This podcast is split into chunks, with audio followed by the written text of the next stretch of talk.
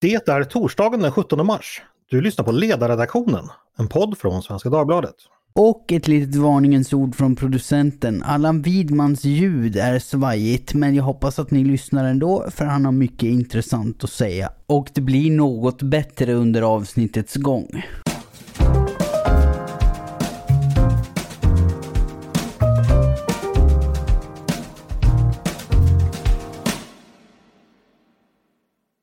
Varmt välkomna ska ni vara. Jag heter som vanligt Andreas Eriksson. Igår kunde försvarsminister Peter Hultqvist presentera nya pengar till Försvarsmakten och till det civila försvaret. För 2022 blir det två ytterligare miljarder till det förstnämnda och 800 miljoner till det civila delen. Dessutom ska Försvarsmakten kunna beställa material för hela 30,9 miljarder kronor fram till år 2030. Vad betyder då detta beslut för Försvarsmakten och för Sveriges försvarsförmåga? Det ska vi prata om idag, givetvis mot bakgrund av det ryska anfallskriget mot Ukraina som idag går in på sin eh, fjärde vecka. blir det. Med oss för att prata om det har vi Allan Widman, Liberalernas försvarspolitiska talesperson och representant i försvarsberedningen och alltså en av politikerna bakom det här beslutet. Och dessutom eh, Patrik Oksanen, medarbetare på sidan som ni som lyssnar säkert känner till också flitig skribent i många sammanhang när det gäller säkerhetspolitik och försvarspolitik. Ja, vi går väl direkt på eh, gröten så att säga med dig Allan. Vad är det ni har kommit överens om i försvarsberedningen? Jag nämnde siffror, kan du ge oss lite ytterligare information?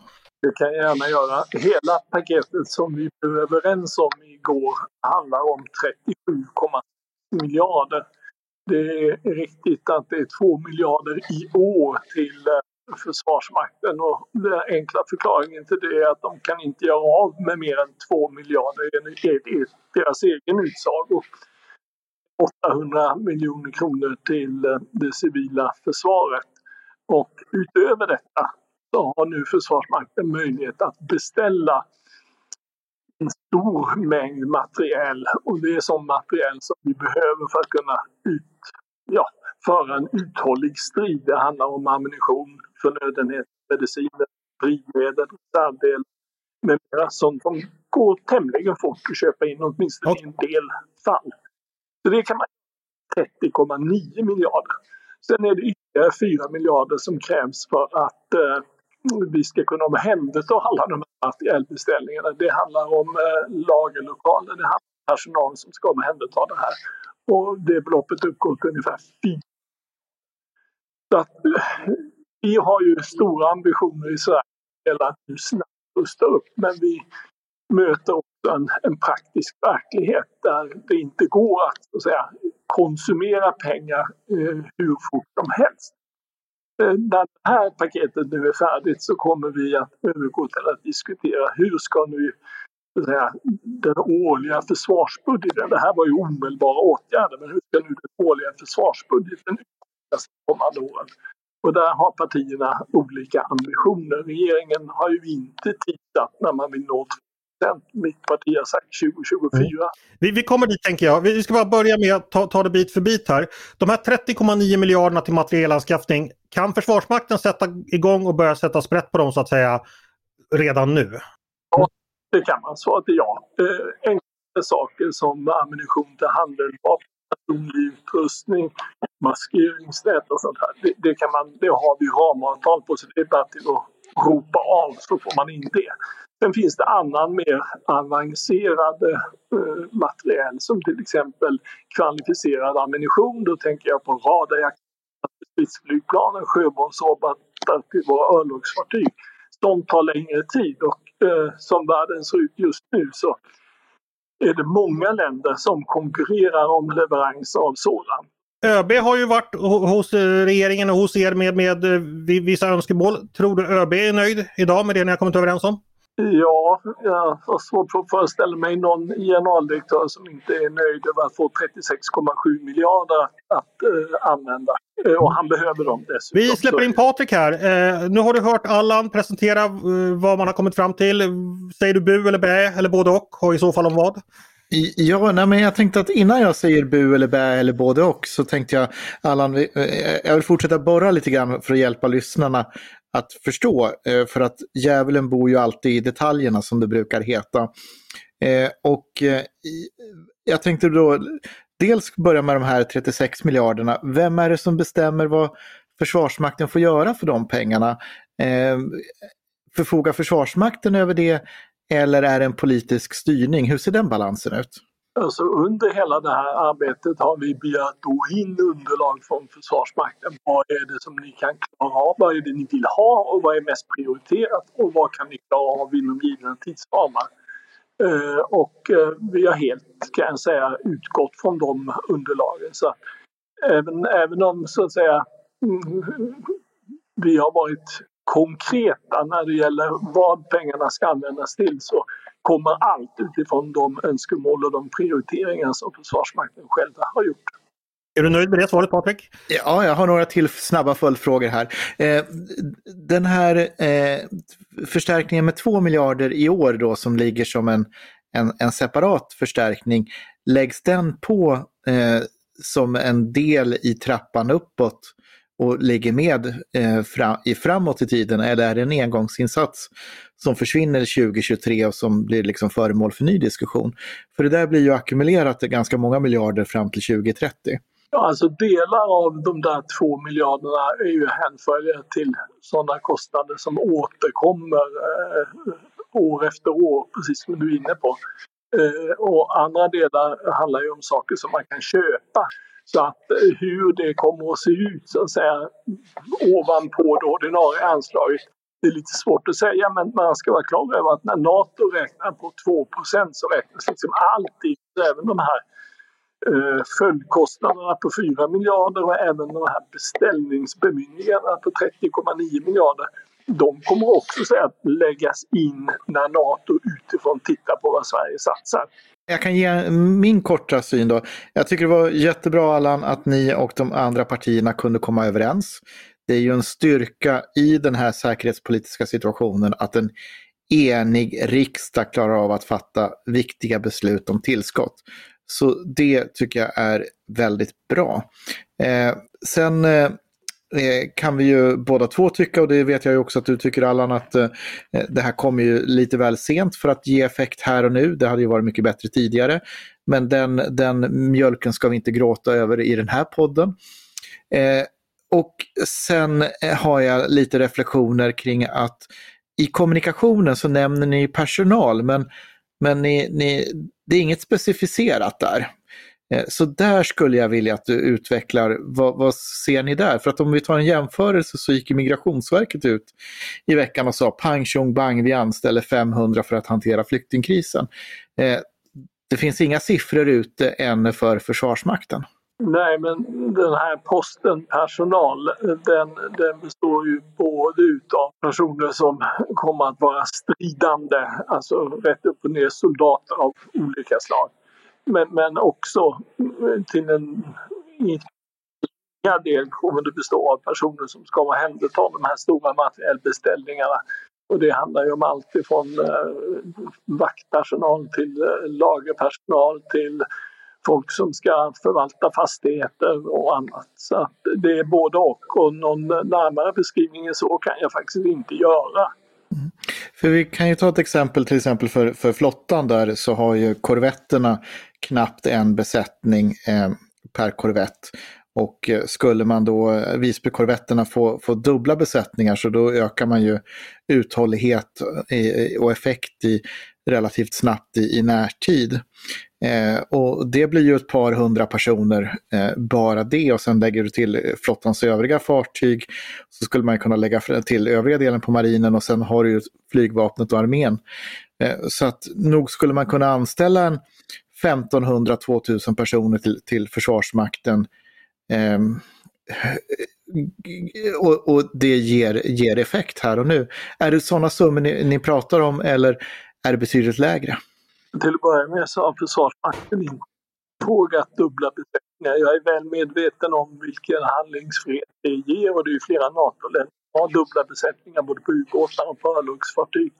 Men det har inte efterfrågats här och nu. Men det är en sån reform som jag bedömer kan vara värd att överväga nu i det fortsatta arbetet när vi ska ta oss upp till 2% av BNP. Och ska man göra det på två år så innebär det att vi måste höja bara som ett exempel, försvarsanslaget nästa år med 15 miljarder och året därefter med ytterligare 30 miljarder. Och de pengarna ligger sen kvar i en skiva framöver. Mm. Patrik, är du nöjd med de svar du får från Allan här eller är du fortsatt nyfiken på någonting? Ja, men vi, vi, kan väl, vi kan väl då ta en sväng också på det civila försvaret.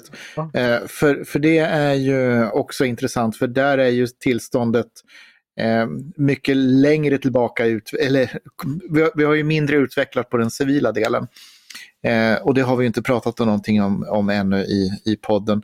Det är, ju, det är ju inga stora summor där, vad, vad förväntar du dig för effekt? Ja, egentligen en ganska begränsad effekt. Du har ju helt rätt i att eh, det civila försvaret är långt mer eftersatt än vad det militära är. Om vi minskade efter kalla kriget det militära försvaret till några enstaka procentenheter av vad det hade varit då la vi helt ner det civila försvaret. Så vi har inte haft någonting, vi har haft någonting som kallas för krishanteringsförmåga.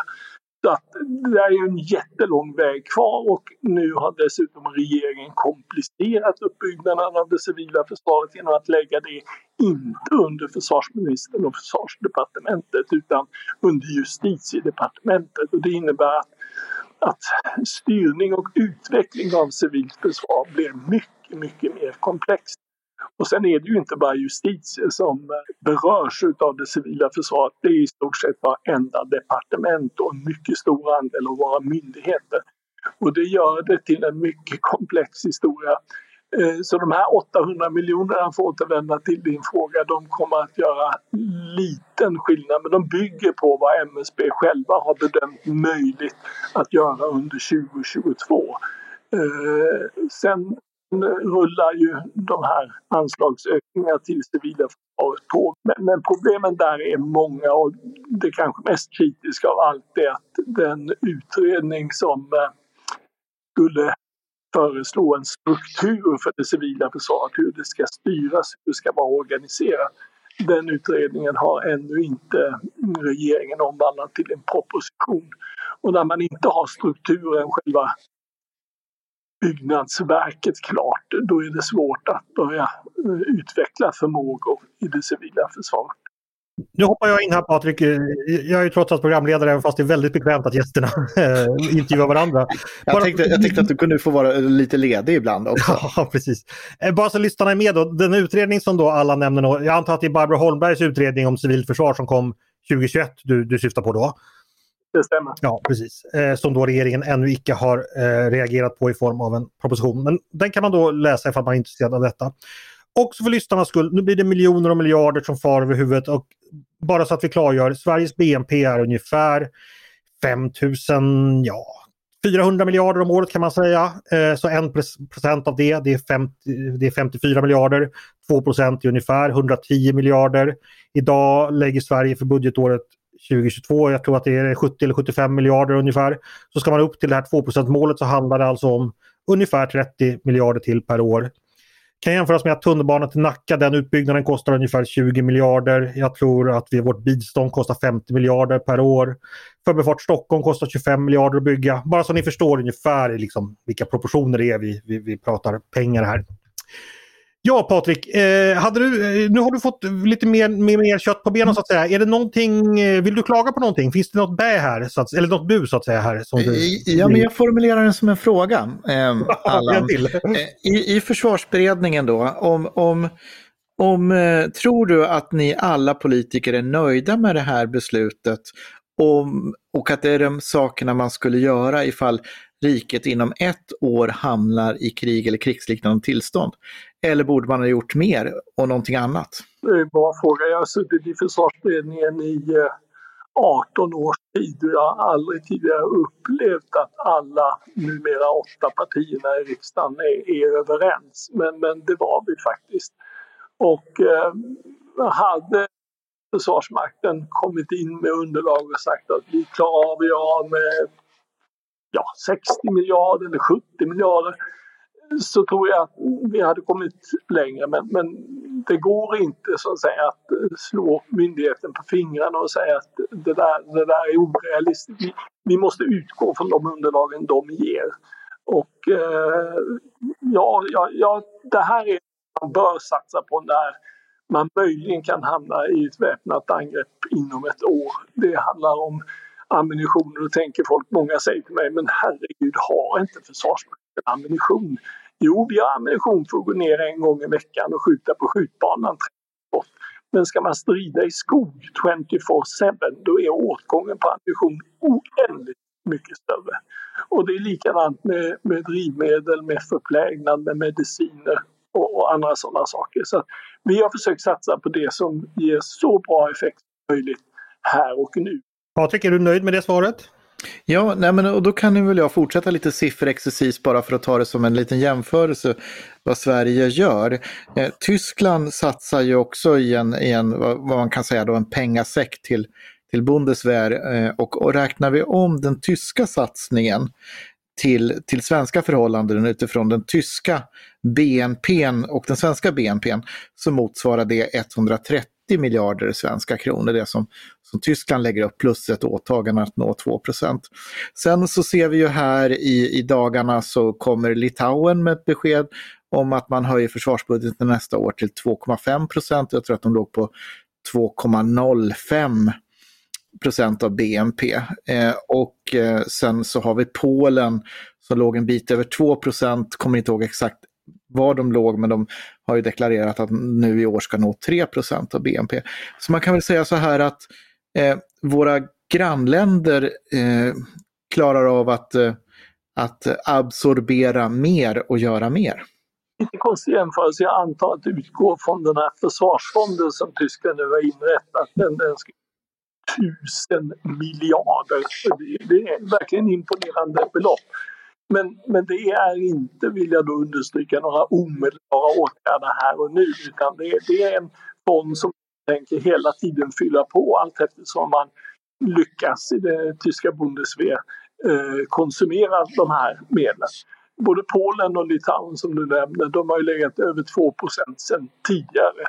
Och eh, min, min uppfattning är att Sverige behöver väldigt snabbt komma upp över de 2 procenten och, och, lite till skulle jag säga. Men nu i det här skedet så vill jag också understryka att även om vi satsar hur mycket som helst på vårt militära försvar så, så den enskilda åtgärd som skulle betyda mest för Sveriges nationella säkerhet det är naturligtvis ett medlemskap i, i Nato. Och när regeringen nu dessutom säger ja vi ska 2% så är det nog ingen slump utan det är Socialdemokraternas sätt att uttrycka att också de vill ha en NATO-option. Mm. Allan, du är hos Svenska Dagbladets ledarsida så du kommer icke få några mothugg där. Eh, däremot vill vi fortsätta gärna prata försvarsanslag. Eh, jag tänkte titta lite framåt. Regeringen har uttryckt då eh, önskemål eller mål om att vi ska nå 2 eh, så snart det är möjligt. Det har ju varit Liberalernas mål länge också. Jag vet att försvarsberedningen nu ganska snart ska börja jobba med det. Eh, Allan, kan du berätta hur ser tidsplanen ut där? Hur kommer ni jobba och vad ser du fram, när ser du fram för dig att vi har ett resultat där? Eh, vi kommer att jobba med det här nu i början av eh, april. Och eh, låt mig säga att det, det faktum att regeringen inte har tidsatt de 2 procenten utan uttrycker sig i termer av när det är praktiskt möjligt det innebär nog i realiteten att, att regeringen själv kommer att kunna bestämma när vi ska nå de där 2 procenten. Och det är också en väldigt svag signal till omvärlden. Alla andra länder som nu rustar upp, de sätter, som till exempel Danmark, de har ju satt eh, år 2033 som ett år då de ska nå 2 procent. Eh, så att jag hade ju också gärna sett att regeringen hade slagit fast ett nu har de inte gjort det. De har oppositionspartierna gjort det istället. Och vi kommer att jobba med den här frågan under våren. Eh, det kommer en försvarsbudget i höst efter eh, valet. Och eh, då bör vi så att säga ta nästa stora kliv när det gäller den generella ökningen av försvarsanslaget. Och precis som ni redovisar så, så måste det vara ett rejält kliv om vi ska inom några år nå upp till de 2 procenten eller mer. Men bara så jag fattar, du tror inte att försvarsberedningen nu under era samtal i vår att ni kommer säga att för 2023 ska det vara 1,8 procent och för 2024 blir det 2,0 procent. Där kommer man inte landa i så specifikt?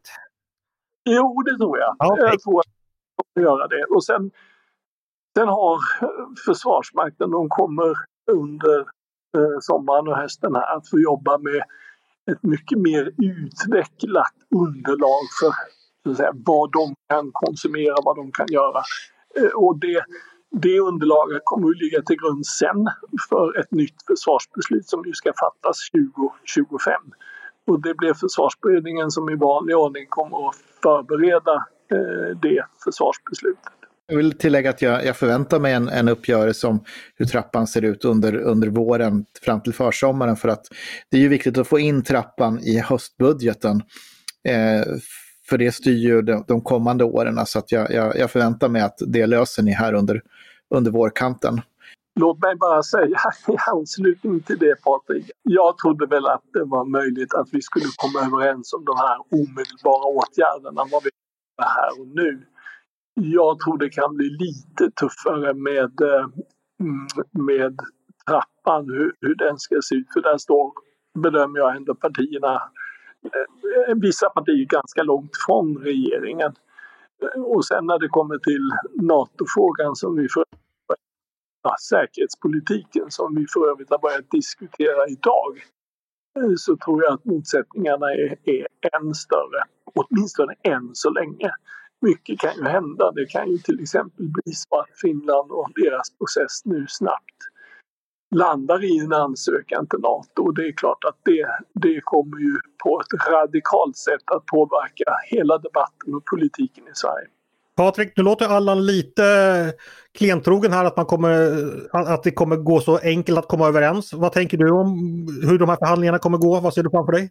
Nej, men alltså, jag tror inte att det kommer att vara enkelt att komma överens och jag tror inte att man kommer att komma överens alla partier.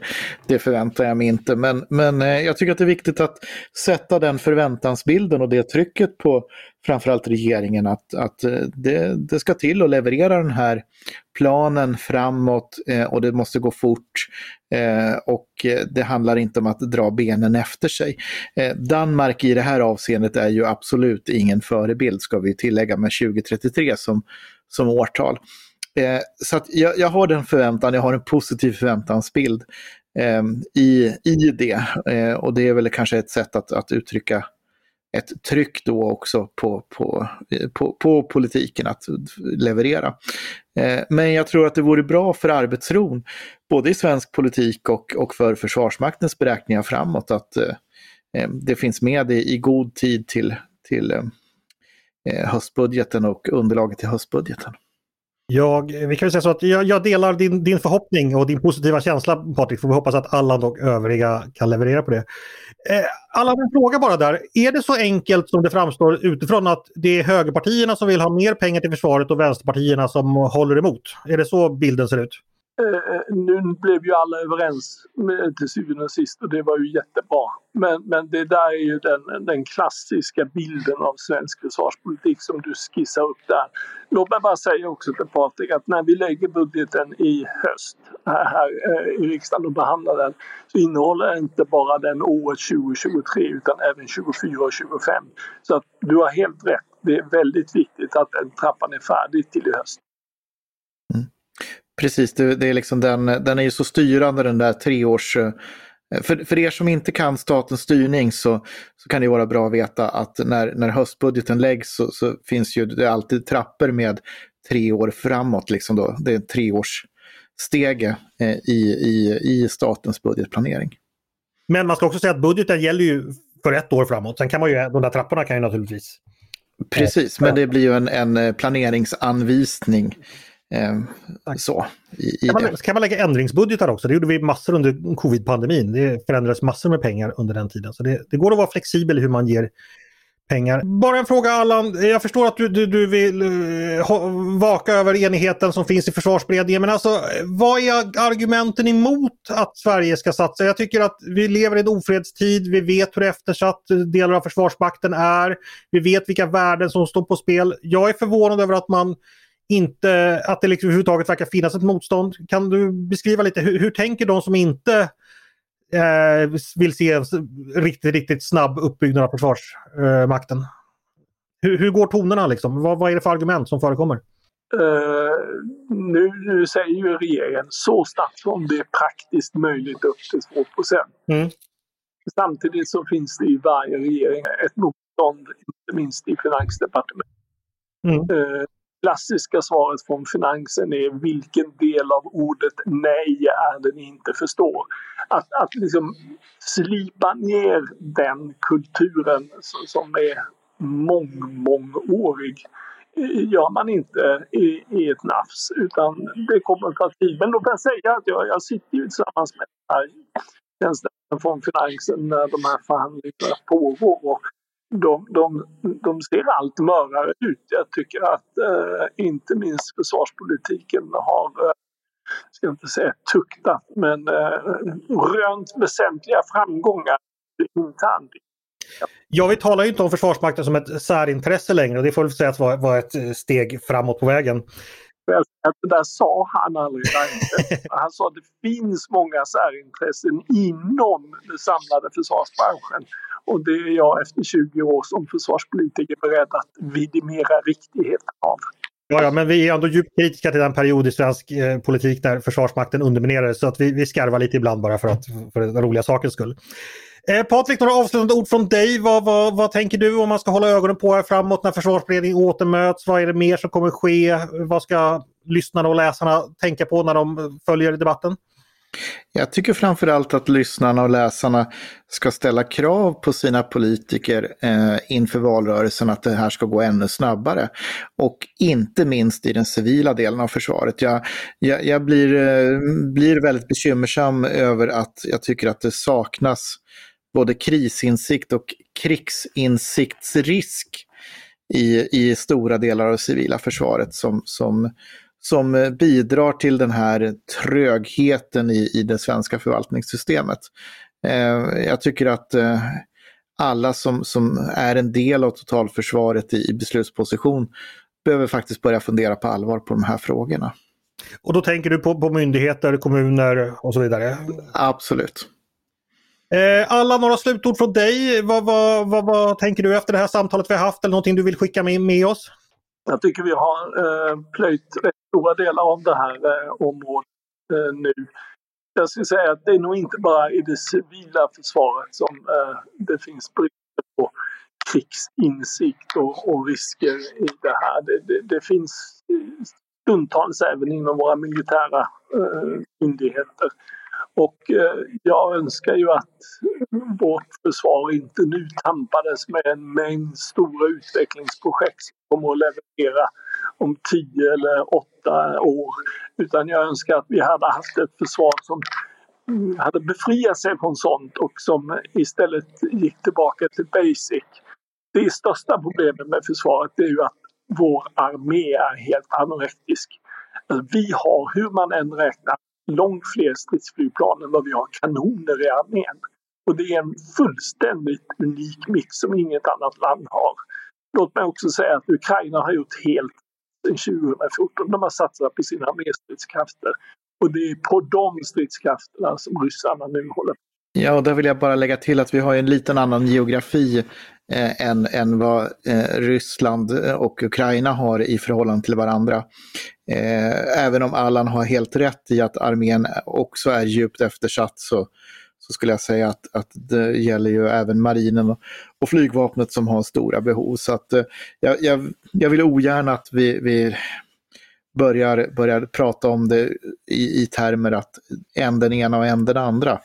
Låt oss konstatera att vi behöver ha alla tre på banan. Problemet är ju, Patrik, att eh, en stormakt som Ryssland med sina hundratals kryssningsrobotar och ballistiska missiler de mättar väldigt fort ett skalförsvar. Det går väldigt fort. Titta bara på Ukraina, deras flyg bombades på marken i stort sett. Och risken är, är, är nog rätt stor att även våra fjärrstridskrafter, marinen och eh, flyget till stora delar kommer att slås ut i ett tidigt läge. Och det, det är inte där vi, trots att vi nu har Östersjön mellan oss, så är det inte där. Vi ska naturligtvis rå på dem så mycket vi kan. Men det som Ryssland verkligen fruktar, och det gör USA också, det är att behöva gå in på marken. För när de gör det då blir det helt andra risktagningar och det blir helt andra ledtider. Så ja, vi ska ha ett flygvapen. Det ska vara väl eh, bemannat och det ska vara väl beväpnat och likadant på den marinjära sidan. Men det, det är oförsvarligt liten armé vi har. Mm. Industriintressen som har lett oss in i detta. Patrik, vill du ha en sista replik där? Men det får väl verkligen bli en sista. Nej, men det, jag håller med om att vi behöver ha förstärka arméförbanden särskilt uppe i norr eh, och på Gotland.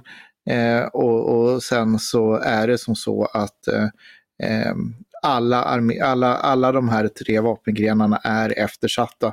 Det behövs en, en balans och det behövs inte minst också logistik förmåga som också är eftersatt i det svenska försvaret för att hålla alla de här delarna igång. Och det tror jag att Allan och jag är helt överens om att eh, det behöver satsas på, även om det kanske inte är det mest sexigaste att prata om logistikförband. Fast det har onekligen visat sig just i den konflikt eller det krig som pågår nu, vikten av logistik.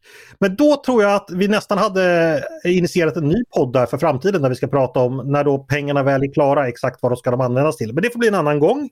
Nu får vi tacka idag. Eh, tack som sagt eh, Allan Widman för att du ville komma. Och tack till vår medarbetare på ledarsidan eh, Patrik Oksanen också för att du ville komma. Och tack till er som har lyssnat förstås också. Eh, innan vi slutar helt ska jag passa på att tipsa om en annan podd som vi har på Svenska Dagbladet, nämligen Dagens Story som är en nyhetspodd där du på en kvart varje dag får en fördjupning i ett aktuellt ämne.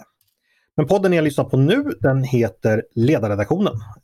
Och det är en podd då förstås från Svenska Dagbladet. Varmt välkomna att höra av er till oss på redaktionen med tankar och synpunkter på det vi precis diskuterat eller om ni har idéer och förslag på det vi ska ta upp i framtiden. Maila då bara ledarsidan snabel svd.se så blir vi jätteglada. Dagens producent, han heter Jesper Sandström själv heter jag Andreas Eriksson och jag hoppas att vi hörs igen snart.